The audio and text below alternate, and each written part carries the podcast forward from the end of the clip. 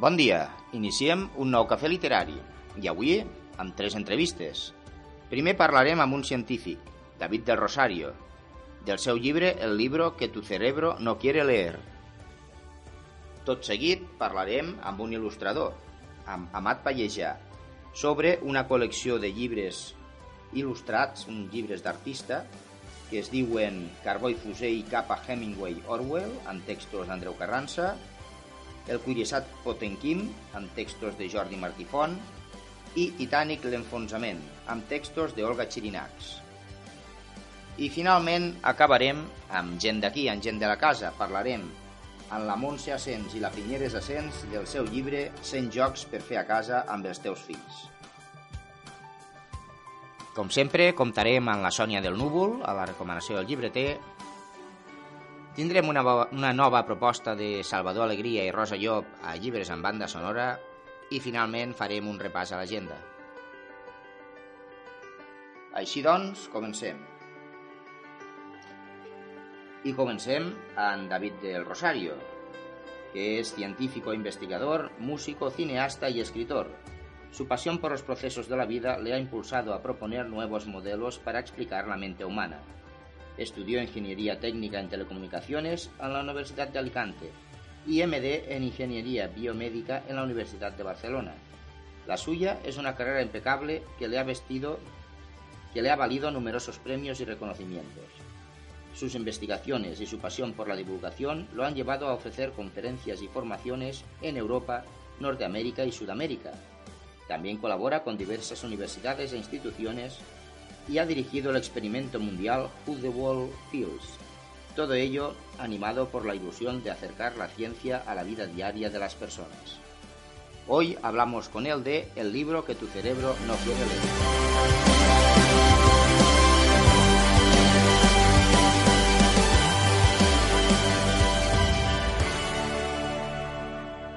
Eh, buenos días, David. Hola, buenos días, Paco. Bueno, primero de todo, agradecerte el ratito que nos dedicas. Un auténtico placer, soy todo vuestro. Hoy hablamos de, del último libro que has publicado, que es El libro que tu cerebro no quiere leer.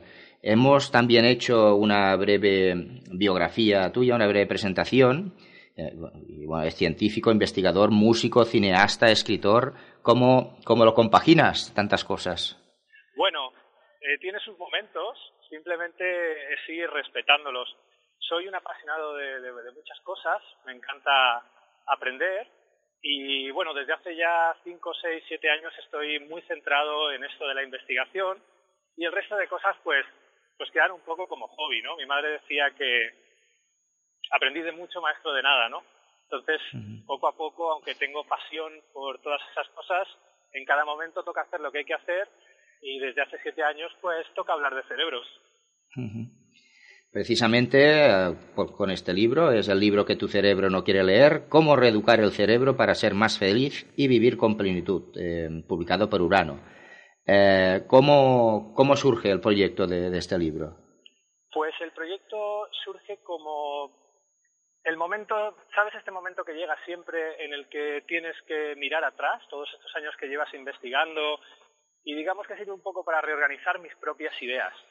Eh, me senté, llevo desde hace ocho años investigando cosas y entonces un día decidí sentarme a, a, ordenarlas, a ponerlas un poco sobre la mesa, sin ninguna pretensión, pero al final surgió este libro, eh, el libro que tu cerebro no quiere leer, donde he intentado compartir todas aquellas cosas que no daban respuesta a las investigaciones que hacía en la universidad, ¿no?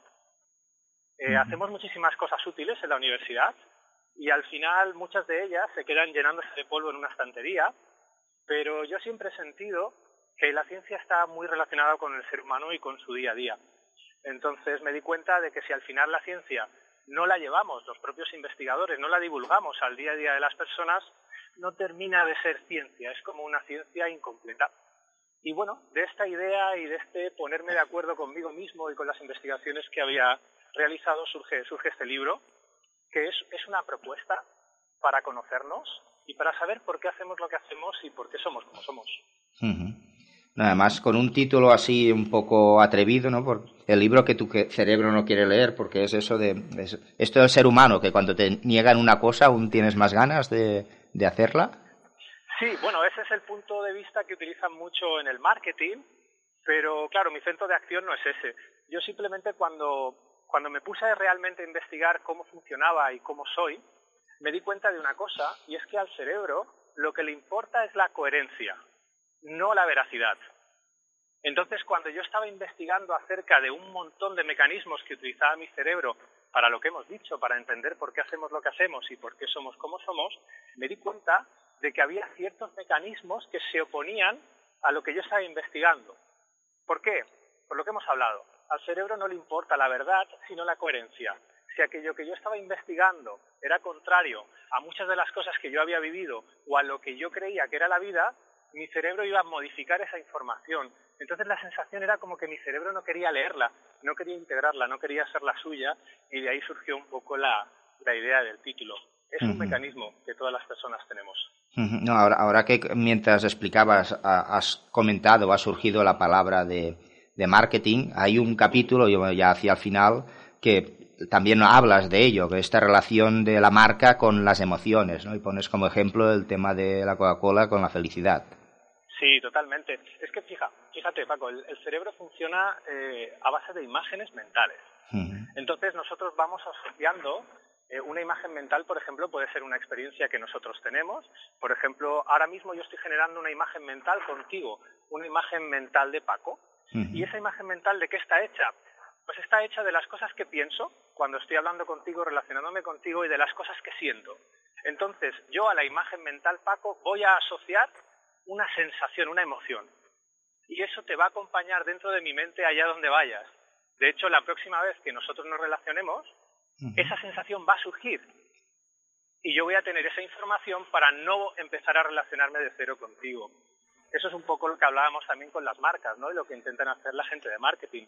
Si yo asocio a la imagen mental Coca-Cola una sensación, como en este caso la felicidad, es una campaña que han dejado de hacer en los últimos años, se han centrado más en el producto, antes lo hacían más con la sensación de felicidad, pero si yo consigo juntar esas dos ideas, es decir, la idea de mi bebida con la idea de felicidad, eh, cada vez que una persona venga a su cerebro esa imagen mental, va a sentir esa felicidad y lo va a relacionar, ¿no? Es una herramienta muy potente, eso lo sabemos desde hace muchísimos años y lo que estamos proponiendo ahora es aplicar todo lo que sabemos hace muchísimos años acerca del cerebro y de la mente a nuestro día a día.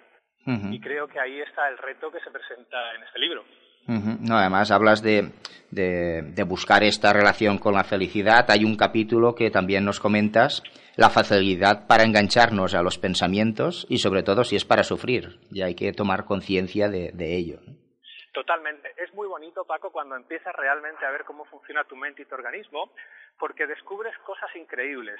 Por ejemplo, una de las que yo descubrí es que un pensamiento es una propuesta neuronal que el intérprete, que es un módulo que las personas tenemos en el hemisferio izquierdo, hace en cada situación de vida. ¿Y cómo construye esas propuestas, esos pensamientos, esta red neuronal? Eh, lo hace en base a tres premisas. A tu experiencia pasada, a tu base genética, influye poquito, porque tenemos que tener en cuenta que en un 99,9% todas las personas somos idénticamente iguales genéticamente hablando, y también las proyecciones de futuro. En base a esos tres ingredientes, el intérprete nos propone un pensamiento en cada situación de vida. Y esto es muy bonito, porque empezar a ver tus pensamientos como propuestas y no como hechos, te da la posibilidad de revolucionar el mundo que percibes. Y es muy bonito, es muy bonito ese proceso porque habla de ti, hasta este momento, los pensamientos era una cosa que nosotros generábamos. Pero la neurociencia, gracias a su avance, nos está proponiendo, nos está demostrando que esos pensamientos no los pensamos nosotros. Los piensa tu cerebro y lo hace con la misma naturalidad que tu corazón bombea sangre o los pulmones aire. Por eso muchas personas eh, tratan de hacer sus pensamientos más positivos, por ejemplo, y no funciona, porque no son ellos quienes los piensa, es su cerebro. Los pensamientos son propuestas que nuestro cerebro nos hace para vivir una situación de vida. ¿Y qué nos toca hacer a nosotros, Paco? Nos toca decidir, decirle a nuestro cerebro si ese pensamiento es útil o no es útil. No estoy hablando de si es verdad o es mentira. estamos empezando a hablar de utilidad. Porque como ya hemos dicho al principio de la entrevista, al cerebro no le importa la veracidad, lo que le importa es la coherencia. Y también eh, alguna cosa que me viene a la cabeza ahora es eh, al principio, donde comentas que madurar consiste en aprender a frenar respuestas automáticas más que en aprender cosas nuevas. Sí, así es la visión que tenemos desde la neurociencia. Eh, la corteza prefrontal, que es el área que cubriría si pones tu mano sobre la frente, es lo que se encarga de lo que se llama el sistema ejecutivo. ¿Y eso qué quiere decir? Eso quiere decir que es el que nos permite, por ejemplo, en este caso, frenar una acción. La diferencia entre un niño que todavía no se ha formado su cerebro, de hecho nuestro cerebro mm, se termina de formar entre los 20 y los 30. Eh, si, por ejemplo, un niño, lo que le diferencia realmente de un adulto es que no es capaz de inhibir la acción. Y eso es lo que aprendemos a hacer con los años. Y eso es lo que, lo que controla nuestra querida corteza prefrontal. Es muy interesante aplicar esto a tu día a día porque muchas veces eh, te permite tomar distancia, te permite verte con perspectiva y te permite sobre todo algo que para mí es muy importante, transformar la culpa en responsabilidad. No somos culpables, nadie es culpable de cómo funciona su cerebro, de que la corteza prefrontal, por ejemplo, controle la inhibición, pero sí que somos responsables de aprender cómo funciona y de poderlo aplicar a nuestro día a día. Y esa es mi área de trabajo, responsabilidad. Nos has hablado de bueno, imágenes mentales de, y también, aparte de construyendo pensamientos que, se que se interpretan las cosas, en este caso en el libro pones algún ejemplo sobre dibujos, y es según las costumbres heredadas. Sí, todo influye, todo influye. En los últimos años, en el campo de la biología, concretamente en un campo que hemos llamado epigenética, hemos empezado a hablar de cómo aquellas cosas que vivimos influyen en la expresión de los genes. Fíjate, Paco, que digo expresión de los genes y no en los genes. ¿Y qué es la expresión de los genes? Los genes, si hacemos un símil con, con la forma que tenemos de escribir, serían como las letras, la A, la B, la C, esos serían los genes. ¿Qué es la expresión de los genes? Pues serían los signos de puntuación. Por ejemplo, todos sabemos que no es lo mismo una mamá que una mama. Simplemente cambiando un acento, los genes son los mismos, pero el significado de la palabra cambia completamente diferente. Es completamente diferente. Entonces, eso es lo que nosotros estamos empezando a, estudiar y estamos empezando a conocer cómo las decisiones que nosotros tomamos en nuestra vida al final tienen un impacto en la expresión de los genes. Y eso es motivo, claro que sí, de poderlo heredar. Pero estamos empezando a ver que los, genes en sí mismos eh, no son un límite, me refiero a la expresión de los genes. Nosotros podemos influir en ello y nos estamos dando cuenta de que cuando una persona alinea su comportamiento, su conducta, con la forma de funcionar de la mente y del organismo, eso también tiene un efecto a ese nivel. Y normalmente ese efecto nos acerca mucho a lo que las personas llaman felicidad. Para mí es sentido común, es coherencia, ¿no? ¿Por qué nos vamos a, comportar de manera opuesta a la naturaleza de nuestro organismo? No tiene sentido, pero ¿qué ocurre? ¿Por qué hacemos esto? ¿Porque somos malas personas? No, sino porque nunca nadie antes nos había explicado cómo funciona nuestra mente y nuestro organismo de una manera práctica y aplicable al día a día. Pues muy bien, estamos hablando con David del Rosario del libro que tu cerebro no quiere leer, Cómo reeducar el cerebro para ser más feliz y vivir con plenitud, eh, publicado por Urano. Eh, es un libro, una obra medio camino entre guía de inspiración, divulgación científica y filosofía práctica, con muchos ejemplos y, de una manera de, para ser divulgativo, pues muy fácil de, de comprender, ¿no? Hasta los propios, algunos de los capítulos con eh, muy, como decía, a, poner ejemplo, pues bastante fácil de comprender. Aquí he abierto el libro con algunas páginas y me han salido, por ejemplo, Pit Tetas y Confianza en la Vida o El despertar del conocimiento y la familia Corflakes, las imágenes mentales y los bolsos de Luis Vuitton, es decir, siempre poniendo algún ejemplo así para después ya al desarrollo del capítulo, pues eh, que quede muy claro para el lector, ¿no? Totalmente, creo que, creo que tiene que ser así y creo que los científicos tenemos que hacer ese pequeñito esfuerzo de, de acercar la ciencia al día a día de las personas. Para mí, Paco, hay una premisa que me ha acompañado todo el tiempo a escribir este libro y es la siguiente. La ciencia no sirve para tener razón, sirve para mirar un problema, una situación de vida, desde una perspectiva diferente. Pero esa perspectiva no es más válida que la perspectiva Paco y la perspectiva David. Si te fijas, a la ciencia no le importa tener razón. Al que le importa es al ser humano. La ciencia tiene voz propia y se llama método científico. Siguiendo esta premisa es lo que te permite realmente y con honestidad acercar la ciencia al día, al día a día de las personas para que puedan revolucionar el mundo que perciben. Pues muy bien, bueno, estamos haciendo una breve pincelada de, de, lo, de lo que es este libro, el libro que tu cerebro no quiere leer. No sé si quieres añadir alguna cosa más. Bueno, lo que tiene el libro en cada página es, es pasión y, y, es muchísima, muchísima honestidad. Eh, yo invito a las personas que, bueno, que compartir este ratito con nosotros le haya interesado a que no se crea absolutamente nada de lo que pone en ese libro. Yo le invito a que lo viva. Es un libro para vivir porque es un libro que habla de ti, que habla de mí, que habla del oyente, que habla acerca de cómo funcionamos y cómo somos. Es un libro para el ser humano. Y lo importante de todo esto es experimentar y es investigarnos. Y como mínimo, en mi experiencia, este libro invita a eso y también, en este caso, pues aprovecho que me das la oportunidad de compartir mi experiencia para invitar al lector a que lo viva. Muy bien. Pues David del Rosario, el libro que tu cerebro no quiere leer. Em, ahora debes estar inmerso en la promoción de, este libro, pero no sé si ya estás eh, trabajando en algún otro proyecto. Sí, no paro, Paco, no paro. Estamos lanzando ahora mismo, estamos con una investigación que se llama How the World Feels, lo que el mundo siente. Estamos haciendo un mapa de lo que siente y piensa el mundo. Eh, estoy terminando también un segundo trabajo, un segundo libro, y estoy llevando a cabo varias investigaciones relacionadas con cómo el cerebro forma la percepción del sabor, eh, relacionada también con biología celular, en fin, la verdad es que esto me apasiona y mi mente no para y yo estoy aquí un poco, pues eso, ¿no? Para permitir que mi mente no pare, para, para hacer realidad todas estas cosas que mi cerebro, que mi intérprete me propone y que todavía no hemos probado. Porque la vida no, no, no está para vivirla bien, está para vivirla, está para probar. Y bueno, en eso, en eso estamos y sobre todo compartiendo y sobre todo disfrutando. Pues muy bien, perfecto David. Muchas gracias por este ratito que nos has dedicado. Que tengas mucha suerte en todos tus proyectos y hasta otra. Muchísimas gracias y sobre todo muchas gracias por acompañarme a acercar la ciencia a las personas. Muchísimas gracias por la invitación, por la iniciativa y, y nada, os deseo lo mejor. Muy bien, gracias, adiós. Un abrazo.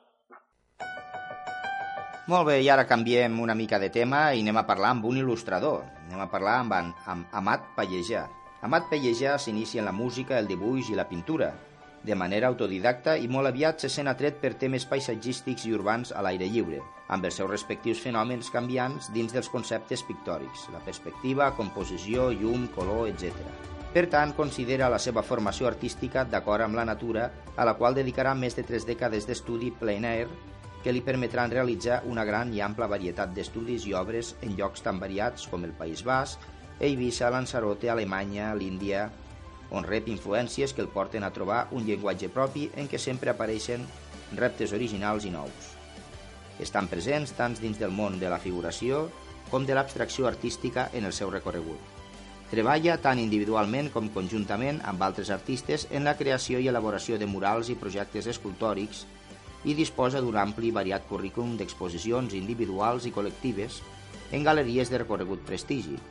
La seva obra és avalada tant per col·leccionistes com per la crítica especialitzada.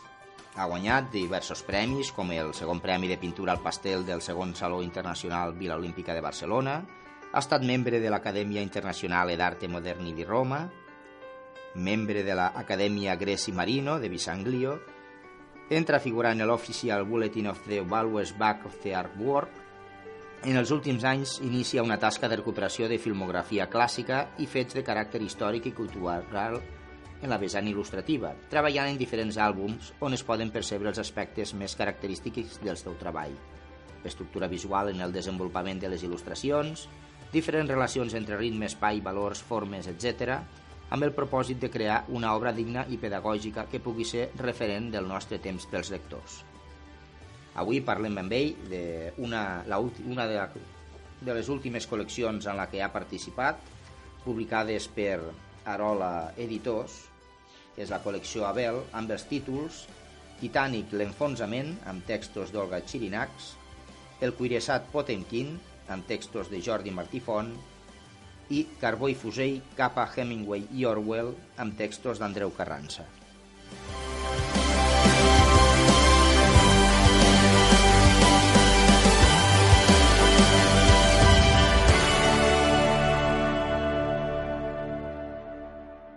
Eh, bon dia, Amat. Hola, bon dia. Bueno, primer de tot, agrair-li l'estoneta que ens dedica. Gràcies a vosaltres per trucar. I avui parlem d'una col·lecció de llibres que acaba de sortir del for, publicat per Arola Editors. El número 1 és Titanic l'enfonsament, en textos de la Olga Chirinacs. El 2, El cuirassat Potenquim, en textos de Jordi Martí i Font. I el tercer, Carbó i fusell cap a Hemingway i Orwell, en textos d'Andreu Carranza. Eh, Explica'm-nos una mica com sorgeix aquest projecte, aquest projecte d'aquesta col·lecció de llibres. Bueno, mira, jo, diguéssim, ja fa anys, fa molts anys que, que, que em dedico principalment doncs, bueno, a, a la pintura. Sempre mai, diguéssim, he fet les dues professions de, de professor de música, més que res, diguem, de guitarra, uh -huh. i llavors, bueno, lo, lo, lo, la pintura pràcticament m'hi vaig posar fa uns 35 anys, així en sèrio, i ja vaig començar doncs, bueno, a fer exposicions i fer tot, tota la història feta de, de, del circuit de, de, de galeries i tot això. Fa cosa d'uns 7 o 8 anys que vaig tindre la, la meva mare malalta, bueno, una enfermetat d'aquestes degeneratives, i llavors el fet de, de tenir que cuidar mm, va ser... Vaig començar a fer a dedicar més a la, a la il·lustració, al no poder sortir tant. Saps què passa? Que jo mm. treballava molt, eh, pintava molt al, al camp, a l'aire lliure, Uh -huh. I a partir d'aquí vaig començar fent pel·lícules d'aquestes doncs, de domini públic.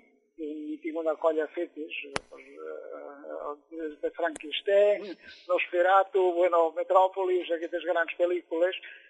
I llavors, eh, ja a poc a poc, ja em vaig anar posant en un terreny una mica ja més, eh, així, d'escriure de, històries ja més reals, com he fet de la biografia de Churchill, de, de Hitler, bueno, diguem-li, tinc, tinc aquest apartat. Uh -huh.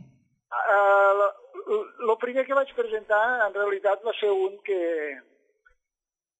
que, que era aquest del Titanic, que el van fer conjuntament amb l'Olga Chirinacs, i això va estar en mans amb una agència editorial a Barcelona, una agència editorial doncs, bueno, molt coneguda, però resulta que llavors me vaig trobar que tot, tot, el, tot el de més treball que havia fet, clar, això passa que Eh, són uns... Estàs obligat una mica a fer una, diguem-li, com un contracte, uh -huh. i el tema de les pel·lícules no interessava tant. El fet és que va, ho vaig tindre un any i mig, llavors ho vaig deixar, i aquest amic, el Jordi Martí, que és el que m'ha fet la Potemkin, un -huh. dia em va dir, diu, escolta'm, si això ho has de publicar, doncs a mi m'agradaria fer el Potemkin. I vaig anar, bueno, en, en realitat vaig trucar amb una editorial aquí a Tarragona, a l'Arola i vaig dir, mira, m'agradaria a veure que es miréssiu això del, del Titanic amb l'Olga i al veure'l simplement em va dir, doncs bueno, no, no un, en traurem tres per Sant Jordi aquí és quan ha començat una mica el cercle, vull dir, diu, te farem una col·lecció i, i mirarem de que aquesta col·lecció pues, tiri endavant i aquests són els tres primers títols que han fet. Uh -huh. I curio curiosament també són, són tres títols on on les, els temes són, són durs, no? Són temes tràgics. Sí, bueno, en realitat és una mica el tema que estic tractant molt avui en dia. Per exemple, m'interessa molt la temàtica de les guerres, n'he fet diverses, o sigui, he fet a Stalingrad, també la Dunkerque, i ara he acabat tota la Primera Guerra Mundial, o sigui, és un tema que, que bueno, en realitat m'interessa tot. Tot el que, eh, diguéssim, més que el còmic tradicional, tampoc diria, perquè moltes vegades aquest tipus d'obra no saps com classificar-ho, si posar-ho dins de l'apartat de còmic, il·lustració, àlbums il·lustrats, no ho sé ben bé. Jo el que intento és descriure fets quasi ben, ben dit doncs, històrics o que tinguin una certa repercussió i que ens facin reflexionar una mica, clar. Uh -huh. no, a més, són, són llibres de àlbums il·lustrats, il·lustracions, en resum, llibres d'artista, que que bàsicament és la força del dibuix, en aquest cas eh, treballeu pel que no n'entenc massa, al, al carbonet, no? és a dir, és blanc i sí, negre, bueno, al carbó... La... Sí, i, sí, i clar, quasi... és la tècnica, uh -huh. sí, és la tècnica que jo he utilitzat més. Jo, per exemple, vaig estar bueno, molts anys treballant sobretot uh, dins de les diferents tècniques de, que s'utilitzen, molt el pastel. Llavors, el carbó és per mi una mica l'essència de, de, del dibuix. És un medi que et permet eh, explorar doncs, molt bé el fet doncs, de la força que té en realitat. Eh, no, no té res a veure, per exemple, treballar amb un llapis, que amb un llapis també doncs, n'he fet molts, però eh, trobo que el carbó té una intensitat i una força que no té, que no té el llapis, diguem així, mm -hmm. el grafit. Sí, ara ho anava a dir, és a dir, són dibuixos amb molta força en què el text té la seva importància però és molt relativa, no? Sí, clar, perquè, per exemple, jo tots aquests àlbums, quan jo empro, faig un, una temàtica, eh, el text eh, jo el faig. O sigui, jo faig un text, però, bueno, eh, eh, crec que, diu, cada, cada, cada persona al seu ram. Encara que jo hagi escrit coses, crec que si va acompanyat per una, per una altra persona que no tingui res a veure amb, amb, amb el que tu penses, la, la, la història pot agafar una dimensió una mica diferent.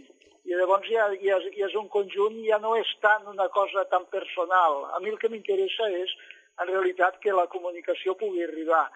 I si, a més a més, eh, els escriptors a part de ser amics, són molt bons escriptors, com, com és aquest cas, mm -hmm. doncs perfecte. Se, se, se mira de trobar aquesta espècie de simbiosis conjunta que pugui arribar doncs, bueno, al, al lector més, més amb, amb més fluidesa. Mm -hmm. Sí, precisament ara, ara li anava a preguntar si coneixia, ja, ja ens ho ha contestat, que són escriptors que coneguts per, per tu, amics, sí. i que per tant el treball amb ells ha sigut pues, una simbiosi, no? tal, com, tal com mos deies. Sí, perquè, per exemple, en l'Olga Chirinacs ja fa vora, sí, uns 25 anys que jo vaig editar, unes, vaig editar un llibre, en realitat que era d'obra meva, que quan exposàvem una galeria d'aquí Reus, a la Galeria Enquins, i doncs, bueno, em va fer un, uns textos de, de, del priorat i allí ens vam conèixer i sempre des de llavors hi ha hagut una relació doncs, bueno, bastant estreta. Mm -hmm. I el cas de l'Andreu Carrança, igualment, perquè l'Andreu Carrança, doncs, bueno, ja ens coneixem, que sobretot pel món de la, de la música fa molts anys, havíem fet alguna col·laboració, havíem fet també un, un treball a Horta Sant Joan, conjunt entre música, pintura, i el Jordi Martí, que és l'altre cas, doncs el Jordi Martí, que és un noi molt vinculat de tota la vida com a lluitador, en realitat, de, de, de la política, perquè és, és una persona que ha estat a la, a la seva època a Chiapas i és, és una persona, sobretot que aquí a les comarques de Tarragona, que pràcticament dins del món de la lluita pel, pel treballador doncs és molt conegut, crec que són tres personatges que, que, que cada un al seu apartat li pot donar aquesta visió. El cas, per exemple, de l'Olga Chirinacs, ella lo Titanic ho havia viscut una mica, no, no que hagués estat al Titanic, però ho havia seguit perquè ella en realitat havia fet el mateix trajecte que es fa des de Southampton, bueno, el, -huh. el mateix trajecte que va fer el, el Titanic i em va explicar que l'homenatge, doncs, eh, hasta m'ensenyar unes fotos que li havien fet lo, va estar amb el capità del barco que va anar i li havien fet un homenatge. O sigui que dins de tot estan implicats.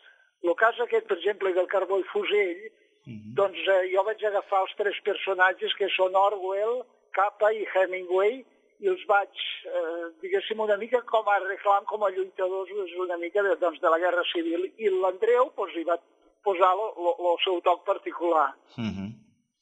Sí, precisament a tots els llibres tenen una estructura similar, tenen una primera part, una, una fulla, que, que et posen antecedents de, del tema, no? és a dir, en el cas del Cuyassat Potenquim explicant una mica eh, pues, això, llavors que era el centenari i tal, i el cas del Titanic pues, també una part històrica davant que explica, i el cas de Carbó i Fusell ja és una miqueta més una, mm, una història de, més de, una miqueta més de ficció, com un soldat que, que té aquests, aquestes il·lustracions i, a més, un soldat amb les teves inicials. No?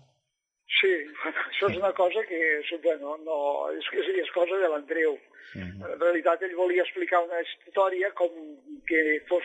Una, bueno, és una ficció però que en realitat eh, hi ha hagut casos molt verídics doncs, de gent, uh -huh. d'il·lustradors que han estat a la guerra i han descrit doncs, bueno, a través de quatre imatges o dibuixos els eh, fets que allí van passar. De fet, amb aquestes imatges jo el que he fet és eh, in, intentar, no és en si la, la, la guerra civil eh, en tota la seva amplitud, sinó que està una mica centrada aquí, principalment a l'Ebre, per això doncs, eh, hi, hi ha, per exemple, Miravet, eh, Corbera, o sigui, són imatges així que veus el campanau, veus alguna zona, el riu, la part de Flix, i, per exemple, a Miravet, doncs clar, i jo vaig col·locar l'escena en un carrer inexistent, vaig fer un, un, com un carrer que es veiés el poble, perquè són formes que quan tu dibuixes pots, pots fabular, o això és una cosa que no té la fotografia. Mm -hmm. Bueno, també es podria fer en fotomuntatge, però és diferent.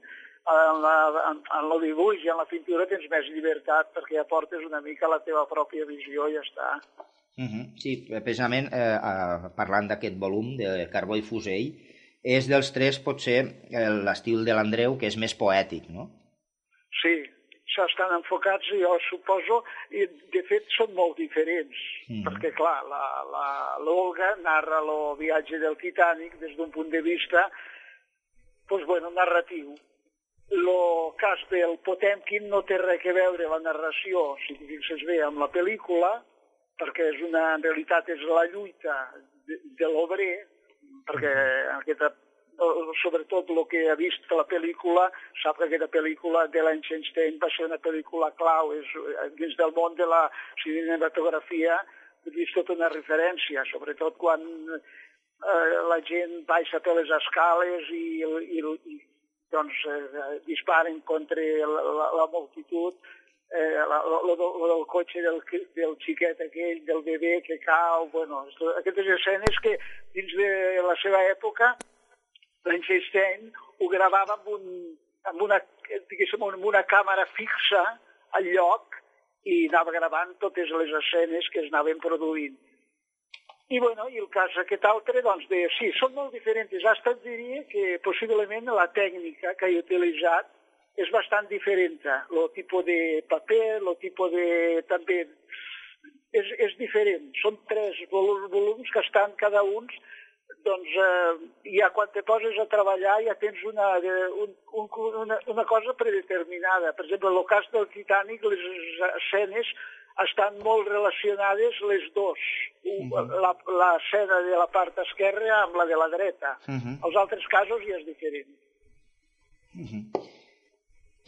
Sí, bueno, perquè la gent ho, ho, ho entengui, eh, és un llibre que ja eh, està dibuixat en, en parelles, diguem, són cada... Sí i, sí, està, i està molt pensat en parella. Sí. Mhm. De fet, això és una cosa que sempre intento que quan, eh, quan hi ha una... La mirada de l'espectador, en realitat, quan mira, eh, encara que miris a l'esquerra o a la dreta, crec que hi ha d'haver una espècie de relació harmònica entre, el, entre la idea del de, concepte del dibuix. Han d'estar bastant dins de la línia les dues imatges per no trencar una mica, doncs, bueno, això, la, la, la part visual. Això és una cosa que intento tindre-la en compte. De fet, a tots ho he procurat, però el que més crec que, que, que es veu és el del Titanic. Mm -hmm. Eh, bueno, aquests, aquests volums estan fets, que ja, ja ho hem comentat, en la tècnica del carbonet. Sí. Eh, llavors, també a la seva biografia hem comentat que també ha guanyat algun premi en el tema en pintura al pastel. Eh. El tema actual de tema digital i tot això en tableta, com, i pues no, li agrada no. o, o prefereix fer-ho a mà? I... Mira, eh, és curiós perquè jo, la veritat, jo soc d'una altra època, jo ja m'ho ha dit algú, diu, sembla la metodologia això de tipus Ramon Cases, dels antics. De fet, ara mateix amb el Jordi estem acabant, pràcticament ja està fet, tota una història de l'anarquisme, que és d'una revista que hi havia antigament, que es deia La Tramontana, del 1890, i allí doncs, jo el que he agafat ha sigut eh, adaptacions de diferents il·lustradors de l'època que en realitat havien de firmar amb els amb sinònims perquè estava perseguit, clar, tant per la Iglesia com per l'Estat. I allí, doncs, bueno, he fet una espècie de, de, de fusió, però no, a mi m'agrada treballar-ho, m'agrada agafar els dibuixos, retallar-los i fer-ho com, lo, com, com antigament. Crec que avui en dia el jovent està molt més capacitat per fer aquest tipus de coses i jo eh, segueixo en la tradició de sempre. No és que m'interessi particularment el món digital. M'interessa des del punt de vista visual, i, però no per, per fer-m'ho jo. De fet, m'ho han proposat, eh? M'ho han dit, hasta hi va haver una, una noia que em va dir, home, podríem fer alguna cosa junts, el que sigui, però no sé, de moment no tinc descartat, eh? Mm -hmm. Molt bé, bueno, pues estem, hem fet un repàs de, de lo que és aquesta col·lecció, de, publicada per Arola Editors, de Carbó i el Cuiresat Potenquim i Titanic, l'enfonsament, una col·lecció que, a més, tindrem sort, que els nostres agents ho sàpiguen i s'ho apuntin bé a l'agenda, tindrem sort de poder-la veure-la en directe i poder fer una xerrada amb vostè el proper dimecres, dia 12 de juny, a les 5 de la tarda a la biblioteca eh, en la companyia també dels alumnes de l'Escola d'Arts que deuen estar encantats de poder eh, fer un, un intercanvi d'impressions amb vostè. No? Bueno, doncs a veure si, Sí, és una cosa de les que m'encanta, sobretot la, la, la cosa de, de trobar tant gent jove i, i compartir i explicar, doncs, bueno, si, si pots ajudar una mica al fet aquest doncs, de,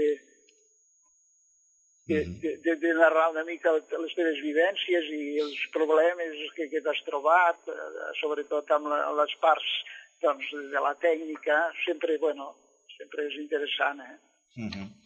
Pues molt bé, és a dir, Carboy Fusell, cap a Hemingway i Orwell, amb textos de l'Andreu Carranza, El Cuiresat Potenquim, amb textos de Jordi Martí, i Titanic l'enfonsament amb textos d'Olga Chirinacs, un, tres volums amb unes il·lustracions amb, així amb el carbó impactants, precioses, un gran regal. És a dir, us animem aquí el dimecres dia 12 de juny a, a vindre a aquesta xerrada presentació i allí pues, també, si voleu, podeu adquirir algun d'aquests volums. Eh, gràcies, eh, Amat. No sé si vols afegir alguna cosa més. No, moltes gràcies de, bueno, de, de, de que m'hagueu fet això, vull dir que en realitat no... I, i principalment, ja et dic, me fa molta il·lusió més que res el fet de que hi hagi alumnes de, de l'escola. Mm -hmm. Pues perfecte, mos veiem lo dimecres dia 12 a les 5 de la tarda. Doncs gràcies, eh? Moltes Molt bé, gràcies. Gràcies. Adéu.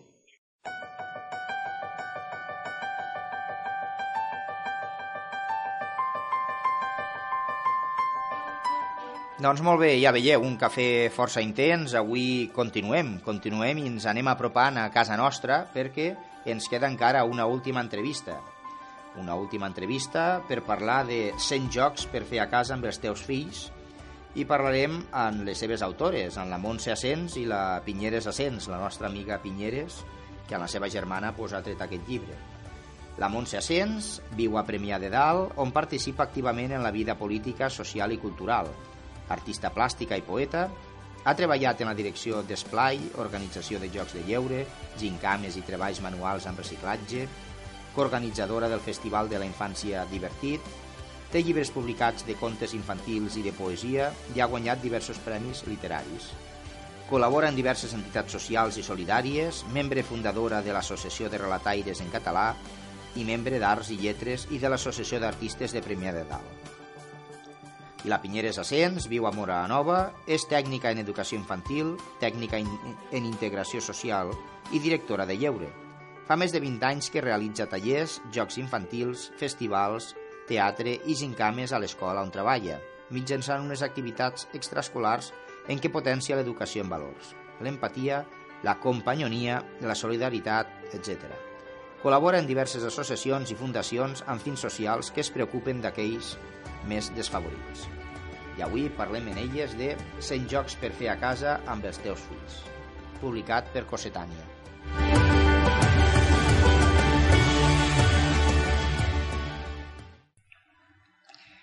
Eh, bon dia, Pinyeres. Bon dia.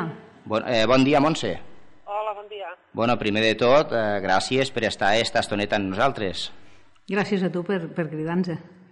Eh, I a més sempre és un plaer poder parlar de, de literatura i de llibres i molt més en, en gent de casa, com, en, com, com és en este cas, per parlar d'aquest llibre, 100 jocs per fer a casa amb els teus fills, de, la, bueno, de les germanes Ancens, la Montse i la, i la Pinyeres. Expliqueu-nos una mica com va sorgir aquest projecte. Comences tu, Pinyeres? No, no, comença, comença tu. Si no ens haurem de jugar al pedra, paper, tisora. això, això, començarem jugant ja, com sempre, no? Sí. Bé, doncs aquest projecte va començar a, a, que vam començar a recopilar gincames, que la Pinyeres ja feia gincames amb els, a, amb els seus alumnes, jo n'havia fet molts anys a, amb alumnes que feien estades de tennis, i, i gincames i jocs, vam anar fent recopilació de, de tot aquest tema, no?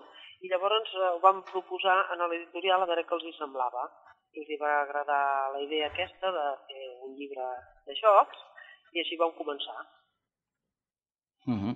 no, a més, és un llibre que està enmarcat dintre de la col·lecció esta que té l'editorial Cosetània, de, de 100, que ja té diversos títols amb esta, amb esta col·lecció, i, i de tot aquest munt de jocs que heu anat recopilant, bueno, estava pegant un vistazo, llavors heu, heu, heu incorporat amb unes fitxes que totes més o menys segueixen un patró, no? que són els objectius, els jugadors, materials, lloc i com se juga. Sí, sí. a veure, nosaltres vam, com que el que et deia la Montse, que havíem estat recopilant jocs, tipus gincames i així, normalment es fa una fitxa d'activitat. El que passa que al anar, anar dirigit a pares, llavors l'objectiu, en aquest cas, el que posem és l'objectiu del joc. O sigui, la final, no, no la finalitat en si pedagògica, sinó l'objectiu del joc, no?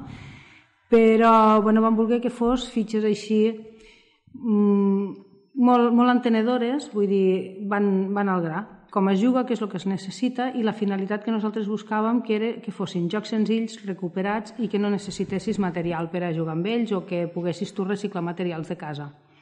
Uh -huh. no, a més, estava pegant un, un cop d'ull aquests dies que eh, des de l'editorial m'han fet el, eh, bueno, el favor d'enviar-nos un exemplar de, del llibre i llavors també lo, lo tematiseu en, en, en diversos tipus de, de jocs, no? Sí, uh, bueno, la Pinyeres em sembla que te'ls enumerarà millor, però vam decidir uh, anar-los diferenciant segons uh, de fer en paper, segons fer en tauler, per anar-los diferenciant d'alguna manera, ja que n'hi havia 100, havien de posar-los una miqueta en capítols, no? I perquè qui busqui un joc vagi directament en aquell capítol a mostrar-lo. Uh -huh. Oi, Pinyeres? Sí, a veure, també els vam, els vam agrupar eh, una mica per lo que era la finalitat del joc, però també inclús pel material que es necessita per a, per a jugar amb ells, no? Perquè vull dir, hi ha jocs que no necessites cap tipus de material i serien els jocs, per exemple, per atenció o els, els que necessites simplement un paper i un boli. Llavors estan agrupats més que res per això, no? pel tipus de material que necessites a l'hora de jugar. Que si tu estàs a casa un dia d'aquests que plou i de dir, ostres, és que no tinc res, no? I, i amb què puc jugar? pues que amb un petit cop d'ull eh, tu veguis a, els jocs que hi han i què necessitaries en aquell moment de dir, ostres, doncs no tinc res, però mira, un paper i un boli sí que el tinc, no? Llavors estan agrupats una miqueta així per a, per a facilitar una mica la, la recerca d'un joc. Uh -huh. A més, estava pegant un cop d'ull al llibre, com deia, i curiosament, bueno, hi ha molts, hi ha aquests 100 jocs, molts allò de, jocs de la teva infància i, i te'n recordes, però és que n'hi ha alguns que, que ni jo no, no, els, no els coneixia tampoc. Per exemple? Són, sí. Ala, digues un exemple. Bueno, perquè deu ser més jove, tu. Clar. Bueno, sí, 43, jove, jove, bueno. Home, més, més, més. A veure, mira, inclús, jo, jo et diré una cosa, a veure, d'aquests Sant Jocs, eh, hi ha jocs que jo no hi he jugat, la meva germana sí, nosaltres ens portem 6 anys. I llavors, vulguis que no, amb aquests anys de diferència, hi ha jocs que ella, a la seva infància, jugava, i jo no hi he jugat, però el que diem, no? cada any les modes canvien i, i es fan jocs diferents, no? Vull dir que del 100 jo també n'hi ha que no hi he jugat. I, i després també eh, la meva família ha envoltat molt i hi ha jocs, per exemple, que hi haurà gent que hi haurà jugat i hi ha gent que no, perquè millor són específics d'una zona, no? Vull dir, mira que la meva germana, per exemple, doncs, vivia a Lleida de petiteta, jo vaig néixer allà, i ella jugava jocs que, per exemple, jo no hi he jugat. Sí, però, per exemple, les taves, que jo, allà en dèiem tots, també és de taves. Allà mm -hmm. jugava moltíssim, a taves, a cromos, a, a palillos, a, a tot això, material que trobàvem, els palillos que els collíem a la sèquia, dels joncs de, els talls dels joncs, i amb allò fèiem el manat de palillos per jugar al, que ara actualment es diu el Mikado. Uh -huh. El nom comercial és el Mikado, oi? Uh -huh. Llavors, eh, eh, per, per fer aquest llibre hi ha tot un procés de recerca, segurament, i ha, ha, tarda, ha sigut difícil, és a dir, aquesta recerca per aconseguir aquests 100 jocs segurament eh, bon heu deixat de posar amb aquest llibre? I tant. És a dir, hi, hi hauria un segon volum de 100 jocs més? A veure, hi ha, hi ha gent que sorprèn quan diu 100 jocs pensant que són molts. Si et poses a pensar, la majoria de jocs d'aquests eh, són jocs que es poden fer a l'aire lliure, molts. El que passa que com que amb l'editorial mm, vam optar per fer jocs que es puguin fer a casa. I llavors molts jocs d'aquests estan readaptats d'una manera així una mica imaginativa de com fer-los a casa. Per exemple, jugar a baletes, les caniques, que es coneixen de tota la vida, això juga fora, això jugar a la terra i tal. Nosaltres ho vam mirar d'adaptar mmm, per jugar a casa, perquè nosaltres també de petites vivíem a, bueno, vivíem a Premià i vivíem en un bloc de pisos i quan no podíem sortir al carrer perquè hi passaven cotxes, eh, ens havíem d'imaginar i havíem de reinventar una miqueta aquests jocs i jugar a caniques a casa. I hem jugat, doncs, bueno, llavors inventes com fer-ho, no? I així doncs, la majoria de jocs estan pensats per a poder-los fer dins de casa. Uh -huh. I, I també molts jocs ja no els hem posat perquè, per exemple, l'explicació és una mica molt més llarga, no? I llavors el que hem intentat és fer jocs que l'explicació sigui super senzilla, que en una pàgina tinguis ja tota l'explicació i ja hi puguis jugar. Perquè, per exemple, el joc aquell que jugàvem tots, amb els fils aquells a les mans, que anàvem fent formes, Uh -huh. que té, ara veus també nanos que juguen també, no? És, és un joc de sempre, però clar, és més complicat d'explicar-lo així amb un, amb un llibre, no? Això busques un tutorial a internet avui en dia i ho trobes, no?, com fer aquestes formes, no? Per això molts jocs d'aquests els hem deixat també a, en el calaix perquè l'explicació és molt més llarga. Uh -huh. Clar, i per exemple hi ha molts jocs que es juguen fora, no? Vull dir que jo, per exemple, pues, a la meva infància jugava molt a lo que, no sé com se li diria aquí, nosaltres diem al potro, que era allò mm. del xurro media manga manga entera, Sí, sí, sí, sí, sí. Que avui en dia impensable, no? Així tinc jo l'esquena. Ah, sí, bueno, és igual, els nens també van molt carregats en les carteres, no? Però dir, avui en dia potser és impensable per això, no? Perquè, ui, l'esquena dels nens, quan porten un pes excessiu a l'esquena, sí, no? La sí, cartera, no? no? no. Però, però vull dir, són jocs que ja no els han posat perquè dins de casa és una miqueta més difícil d'adaptar-los. En canvi, per exemple, jugar a polis i lladres està adaptat, amb, com nosaltres quan fèiem molt soroll, la veïnada de davall doncs, picàvem l'escombra al sostre i llavors la meva mare deia, bueno, calma, i això s'ha de parar, no, no hem de saltar tant, i a polis i lladres està adaptat a fer-ho a quatre grapes. Uh mhm. -huh. Vull dir, per fer-ho dins de casa. Molt bé, no, a més... I tant, no, a més en aquest món tan tecnificat, no? tecnologicat, o com li vulguis dir, que, que ara pues, sembla ser que si no teniu una tauleta, un mòbil o alguna cosa, ja mos, mos agafa un atac, pues, és el fet de reivindicar pues, aquests, aquests jocs tradicionals que permeten aquesta interacció entre, entre tots els xiquets i, i jugar en equip i, o individual i, pues, és, és molt important. No? A més a més, són jocs molt senzills i uh -huh. que s'ho passen bé. Per exemple, els cromos mateix, Ara ja vam estar jugant amb l'Alba, és una nena que, que surt en el llibre, l'Alba, perquè és una, una nena de la filla d'uns amics, no? I ella juga a tots aquests jocs també perquè els hem anat ensenyant, no? I ara l'altre dia, bueno, no parava de jugar a cromos i vinga a jugar a cromos i, i porten, uh, no sé, un dia jugant a cromos que ja li fa mal la mà i tot, no? eh? però són jocs amb material molt senzill i els veus que, que, que riuen i disfruten i dius, pues, és important i és interessant que, que juguin a tot això també. Uh -huh. I a més a més, mira, una cosa, si t'hi fixes tots aquests jocs que són molt senzills, que requereix molt poc material, la indústria ha acabat mm, fent-los. Vull dir, els ha agafat i els ha fabricat. Llavors, per exemple, el que nosaltres quan érem petites que jugàvem, el que deia ma germana les taves, vull dir, ara tu en trobes de plàstic, però allò eren uns ossos de les potes del corder. O, o els tazos, que la, la indústria va, va fabricar-los com a tazos, que eren unes peces de plàstic, pues bueno, nosaltres eren els patacons que es feien amb les cartes velles que el, el padrí quan anava a jugar al bar pues ja les descartava perquè estaven ja massa, massa velles, no? Però la indústria quan veu aquest tipus de jocs, què fa? Pues els comercialitza.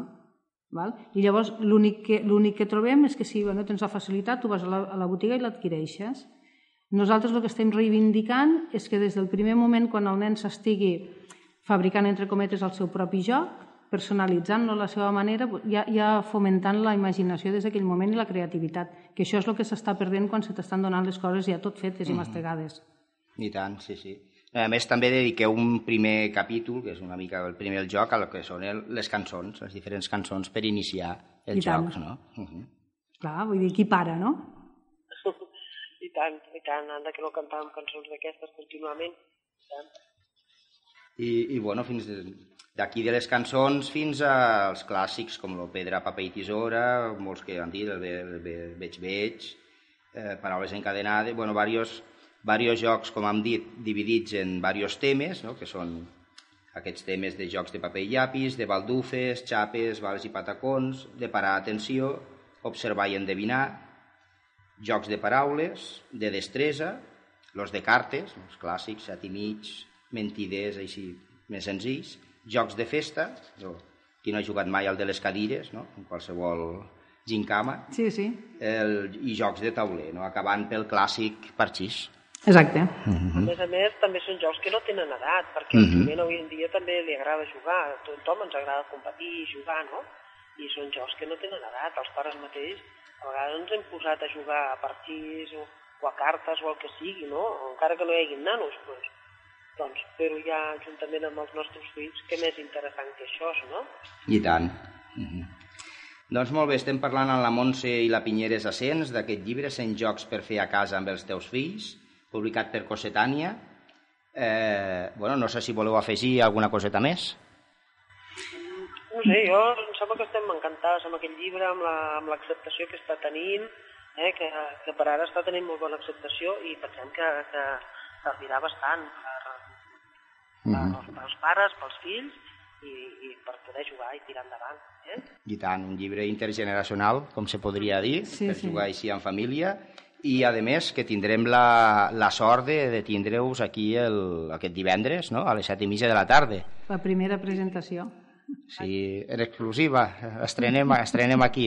Molt bé, molt bé. La primera presentació la Nova. I, sí. bueno, explica'm una mica per animar la gent a vindre aquí a la biblioteca, a la presentació, pues una mica com, com quin plantejament se, se trobaran, sense desvetllar gaire secrets, perquè hi haurà alguna sorpresa. Bueno, a veure, el que, lo que ja no és sorpresa és, per exemple, de que vindrà al Canal Terres de l'Ebre que bueno, intentaran, perquè això dels directes és una mica de vegades complicat, intentaran connectar en directe amb el programa Connecticut de uh -huh. Terres de l'Ebre i la xarxa, i això potser és el que a mi em neguiteja una miqueta més, perquè, clar, si tu has començat la presentació, en aquell moment l'has de tallar, vull dir, jo l'únic que demano és que a la gent pues, que tingui una miqueta de paciència, no? perquè, clar, ens trobem amb això però bueno, que intentarem que sigui una presentació que si hi ha nens tampoc la pots fer molt llarga, tampoc mm. la pots fer allí soltant el rotllo, val? que ens interessa que vinguin pares perquè el llibre està enfocat a pares i a fills val? per a recuperar aquestes estones que s'estan perdent vull dir, i les estones que tu ara no passes amb els nens, aquestes no tornen, saps? Mm -hmm. I el que volem és això, pues, tindre pares i tindre nens i, i una vegada nosaltres els haurem explicat una miqueta de que, de que va el llibre pues, que puguin veure els jocs i puguin aquell dia jugar. Uh -huh. Volem això, que, que participin. Doncs molt bé, bueno, eh, pues d'aquí us convidem, apunteu a l'agenda ja, fiqueu a l'imant de la nevera i on vulgueu, el, que aquest divendres a les set i mitja de la tarda estarem aquí parlant i, i jugant i gaudint d'aquests 100 jocs per fer a casa amb els teus fills. Eh, moltes gràcies, Montse. Moltes gràcies a vosaltres. I gràcies, Pinyeres, per estar aquí. Gràcies a tu. Doncs molt bé, ens veiem aquest divendres, gràcies i hasta una altra. I bueno, aprofito la vinentesa, ara que antes de fer el despido, que és l'última pregunta i que faig a tothom, els nostres oients ja ho saben, ara que ja us heu animat i que ja i que ja bueno, heu començat amb aquest llibre, no sé si teniu previst fer-ne algun altre. Bueno, el temps tot, tot es veurà. De, moment, de moment empenyem aquest. Sí? Sí, sí, un a un, un a un. Un a un, poc un a a un. poc i un a un, sí, sí, però en farem més. Però, però el que sí que t'he de dir és que tenim la motxilla carregada de jocs encara. Ah, molt bé, molt bé, perfecte. Pues, Moltes així, ganes de jugar. així pues, divendres començarem a jugar i, i bueno, a partir d'aquí pues, ja tot se andarà. I avui us despedirem una mica diferent, us despedirem amb, amb una cançó molt adequada per a aquest llibre, que és L'arma més fort, l'arma més forta de, dels aritenoides, que és una cançó que parla precisament dels jocs i d'un grup de música que algú se'n recordarà, eh, la gent d'aquí Mora, sobretot, que és un grup d'aquí de, de Mora Nova, que parla precisament d'aquests jocs i de quan se jugaven a, a, al pati de l'IES 3 d'abril. Doncs us despedim amb aquesta cançó. transportant el temps lluny al par volar i corren un grup de guerrers que defensen la pàtria cada dia d'una a tres. No hi ha un al col·le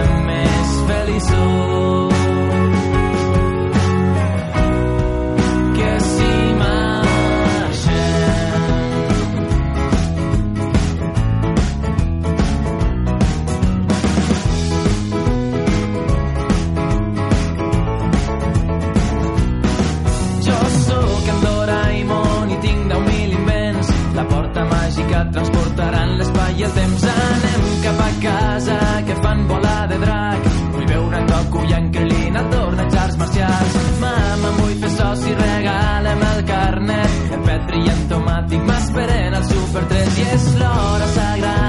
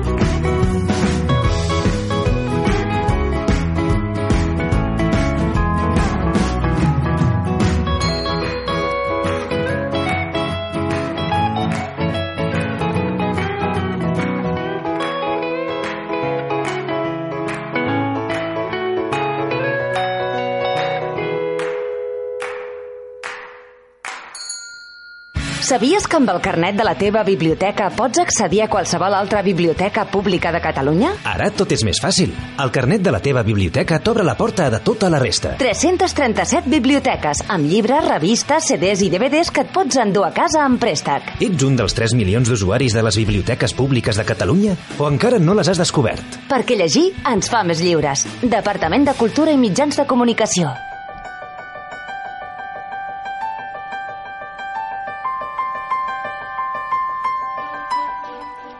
Molt bé, i continuem el cafè literari amb la Sònia del Núvol en la recomanació del llibreter que ja la tenim preparada, com sempre. Bon dia, Sònia. Bon dia.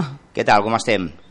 Bé, endreçant encara a botiga després de la Fira del Llibre Brenc, però bueno, satisfets, contents de que va haver molta gent. Molt bé, molt bé, però has descansat, no? Perquè la Fira miqueta. del Llibre a tope, després les xarxes endreçant i, i superliada, esta, esta, la meva Poquet, xica poquet. no, no, no descansa i...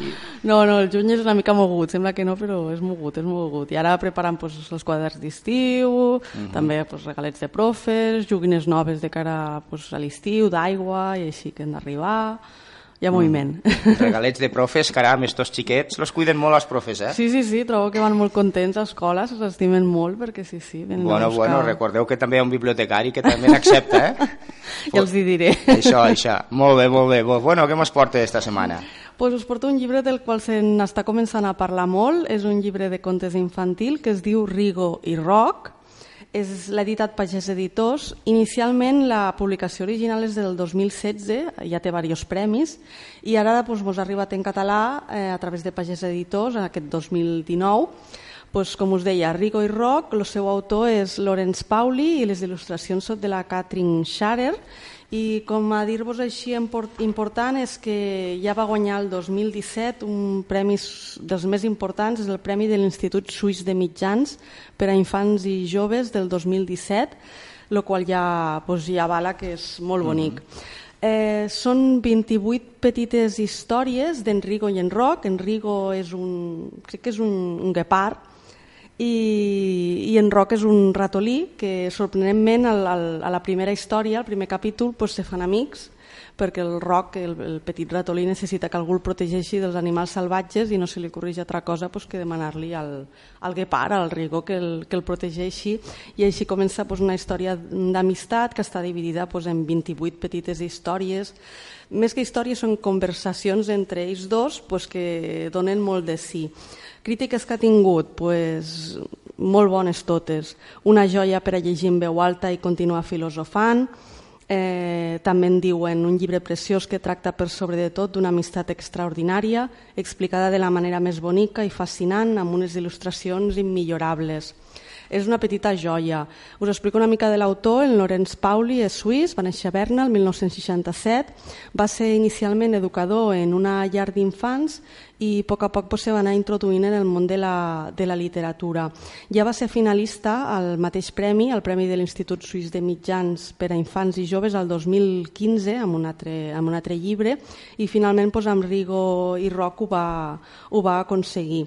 Ha guanyat altres premis, continua vivint a Berna i en aquest cas s'ha associat amb la il·lustradora Catherine Scharer, que també publica llibres pel seu compte, i la qual cosa ha suposat també el reconeixement del Premi Hans Christian Andersen del 2012 en què ja van col·laborar doncs, amb, amb altres títols i també va rebre el Premi de l'Institut Suís de Mitjans per a Infants i Joves el 2011. Per tant, doncs, són dos, dos autors, autor i il·lustrador, eh, molt, molt potents i que han fet un llibre pues, magnífic per a, per a nens petits, per anar llegint pues, cada dia una petita història. Us el recomano molt, moltíssim. Mm. Molt bé, molt bé. Pues, bueno, ho tindrem present. Perfecte. I després us porto, ara que ve l'estiu, i a lo millor pues, la gent té més temps, amb les vacances i això, si us voleu animar a cuinar, us porto el Cuina Mare del Joan Roca, del celler de Can Roca. Són receptes senzilles i tradicionals per cuinar a casa, l'ha editat Columna, i bueno, pues, Cuina Mare és un retorn a la cuina de casa, la de tota la vida, sense grans artificis, i presenta pues, uns 80 plats senzills que tothom pot cuinar a casa. Són les aromes i els sabors de la cuina tradicional de la gent gran, receptes amb ingredients de proximitat i de temporada, sense complicacions ni tecnicismes, mantenint l'esperit original de la tradició pues, tal com diu el llibre, diu una celebració per animar-nos a cuinar, a gaudir i regalar a les properes generacions. Eh, bueno, quasi tothom el- els coneix, els germans Roca, del celler de Can Roca. Aquest llibre en concret pues, l'ha fet en Joan Roca i Fontaner, que va iniciar la seva carrera professional amb els seus pares i els seus avis, juntament amb els germans, al restaurant familiar de cuina catalana, mentre compaginava els estudis a l'Escola d'Hostaleria de Girona, on actualment doncs, també ha estat impartint classes i, i està molt estretament vinculat. Avui regenta i dirigeix amb els seus dos germans, en Josep, que és el sommelier, i en Jordi, que és el xef de pastisseria, el restaurant El Celler de Can Roca, que ha estat considerat el millor restaurant del món en dues ocasions i guardonat amb tres estrelles Michelin. La seva cuina harmonitza les tradicions culinàries catalanes amb les tècniques d'avantguarda, fruit d'una investigació constant, compromesa amb la innovació i la creativitat. Però ja us dic, en aquest llibre deixa de banda tots els artificis, totes aquestes innovacions per presentar-nos una cuina mare, vull dir, unes receptes tradicionals, senzilles per cuinar a casa, molt ben explicades, molt detallades, algunes que, bueno, pues que estem menjant des de tota la vida, vull dir, són els plats, els plats típics catalans. I bueno, si us voleu animar durant les vacances a, a recuperar-ne algun que potser teniu oblidat, pues aquí teniu el llibre. Molt bé, molt bé, bueno, haurem de provar. Intentarem ficar-nos als fogons, no? A veure, a què, veure, què surt. Sí, a veure sí. què surt. Molt bé, pues, moltes gràcies, Sònia, i mos tornem a veure la setmana que ve. La setmana que ve. Vinga, no, bon dia. Adeu.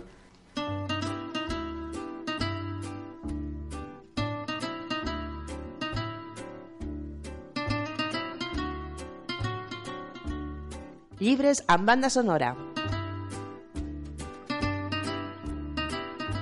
Coneix les bandes sonores de les millors adaptacions al cine de grans obres de la literatura.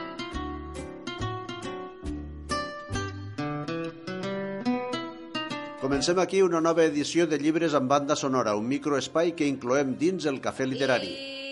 It's supercalifragilisticexpialidocious Even though the sound of it is something quite atrocious If you say it loud enough you'll always sound precocious Supercalifragilisticexpialidocious Pamela Lyndon Travers va ser una escriptora, actriu i periodista britànica nascuda a Austràlia al 1899. Als anys 20 anà a viure a Anglaterra on començà a escriure sota el pseudònim de P.L. Travers, novel·les infantils sobre la mística i màgica mainadera Mary Poppins.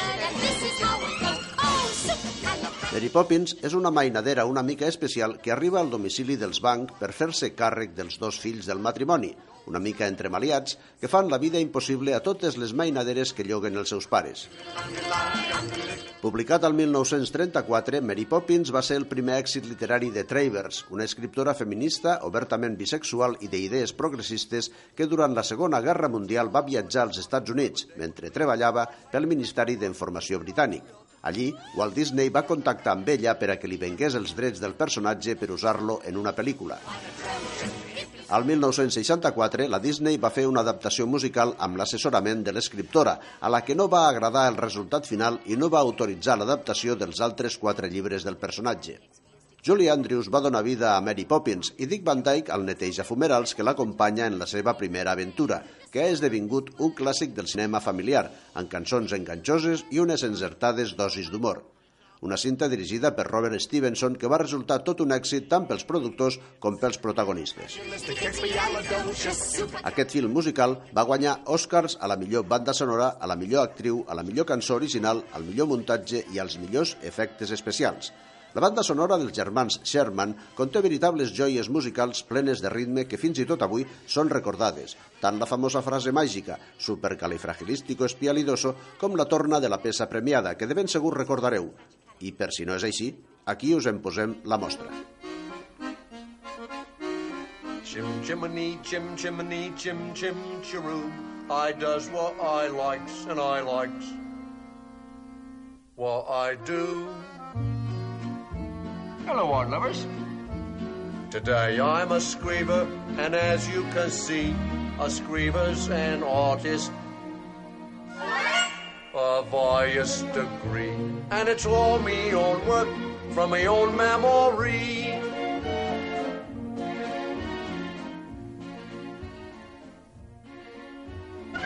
Chimney, chim chimney, chim chim chiroo. I draws what I likes, and I likes what I drew. No remuneration do I ask of you, Bubby Cap would be glad of a copper or two. Me Cap would be glad of a copper or two.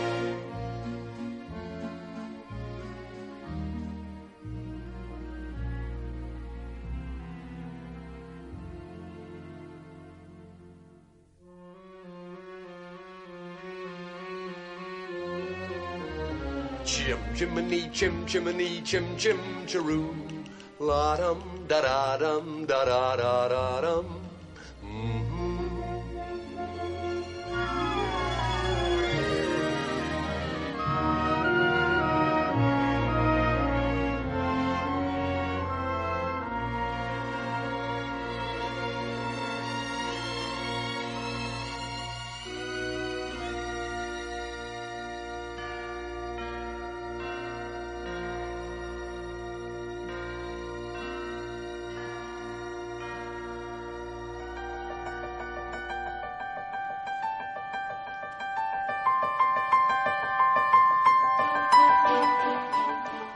Molt bé, continuem el nostre cafè literari amb l'últim bloc, amb l'agenda. Anem a fer un repàs de les principals activitats que es faran aquest cap de setmana pels nostres terres.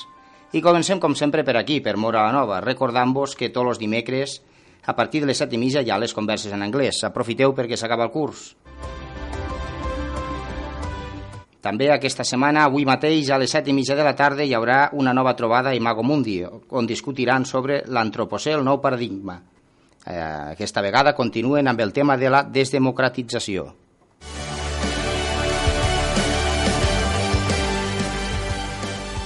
I demà, bueno, ja ho heu escoltat, demà tenim a la Pinyeres Ascens i a la Montse Ascens per la presentació del llibre, la presentació del llibre 100 jocs per a fer a casa amb els teus fills.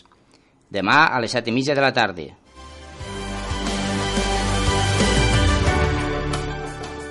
I ara m'ho anem cap a Escó perquè demà, pels més petitets, a les 5 i mitja a la biblioteca hi haurà El gat Adrià, a càrrec de la companyia Benichiflat.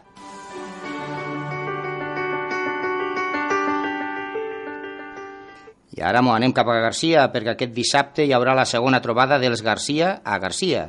I aquest any encara se n'han anat més enllà, perquè habiliten molts més espais amb gastronomia local, activitats infantils, espectacles i concursos.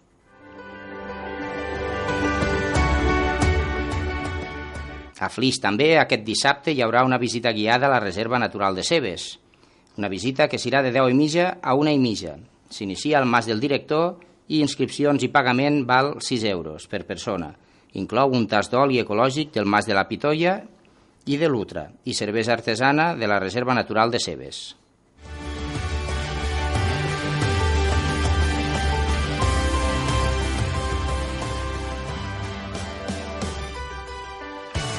Aquest dissabte també hi ha festa a la Palma d'Ebre, on al Centre Cultural hi haurà un dinar popular per, per, per 3 euros. És, és la festa del jabalí, i el protagonista d'aquest dinar és el jabalí. Tothom qui vulgui pot comprar els tíquets per 3 euros a les diverses botigues de la Palma d'Ebre.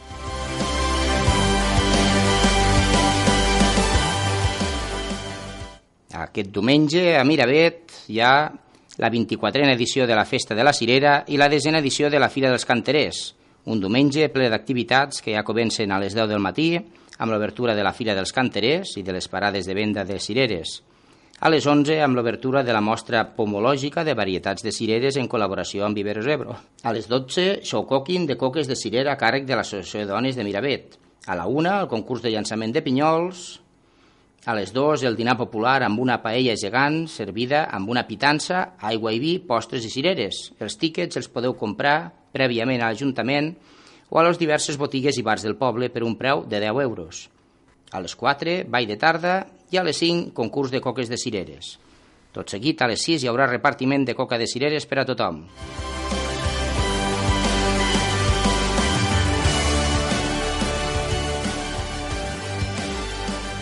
I ara acabem en cinema. Aquest diumenge a les 6 de la tarda, tant a Flix com a Escó, tenim cinema. A Flix ens arriba en buenas manos. Recordem que aquesta pel·lícula us la vam comentar la setmana passada perquè la feien a Escó. Per tant, no, no en direm gaire cosa més, és a dir, a Flix en buenas manos, aquest diumenge a les 6 de la tarda, i a Escó, Glòria Bell.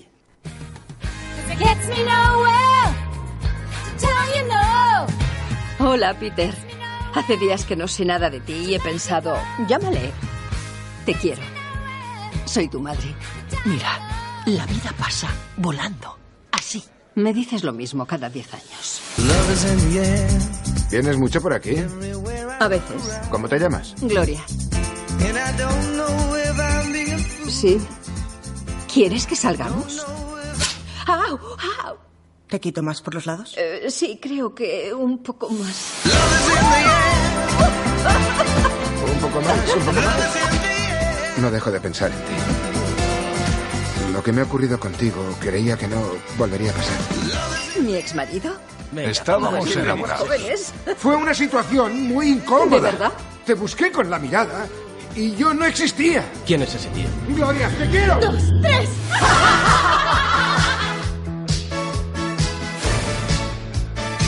Me llama cada cinco minutos. No lo cojas. No. Madre mía. ¿Es él? Cielo podría morirse mañana. Sí, mamá, como todas. Bueno, cuando el mundo estalle, espero que me pille bailando.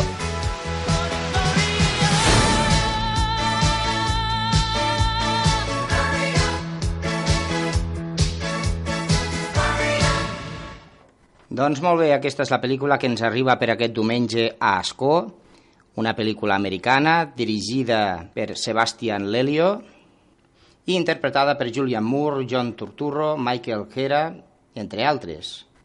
És un drama romàntic on una divorciada eh, passa els dies treballant en una oficina i per la nit pues, se'n va a ballar a diferents discoteques de Los Angeles. Quan troba a Arnold, la seva vida canvia radicalment al veure's immers en un inesperat pues, enamorament. És una pel·lícula que, segons la pàgina web Film Affinity, està puntuada amb un 6,2. Doncs molt bé, recordeu, Glòria Bell aquest diumenge a les 6 de la tarda a Ascó i En Buenas Manos, aquest diumenge a les 6 a Flix. En Buenas Manos, recordem, és la pel·lícula que ja vam comentar la setmana passada, aquest drama sobre el món de l'adopció, ah, també puntuada amb un 6,8. Per tant, aquest cap de setmana podeu triar dues pel·lícules per anar al cine.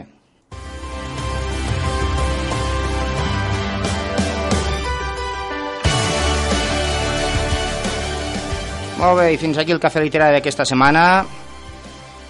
Espero que us hagi agradat i ens tornem a veure la setmana que ve. Gràcies, adeu.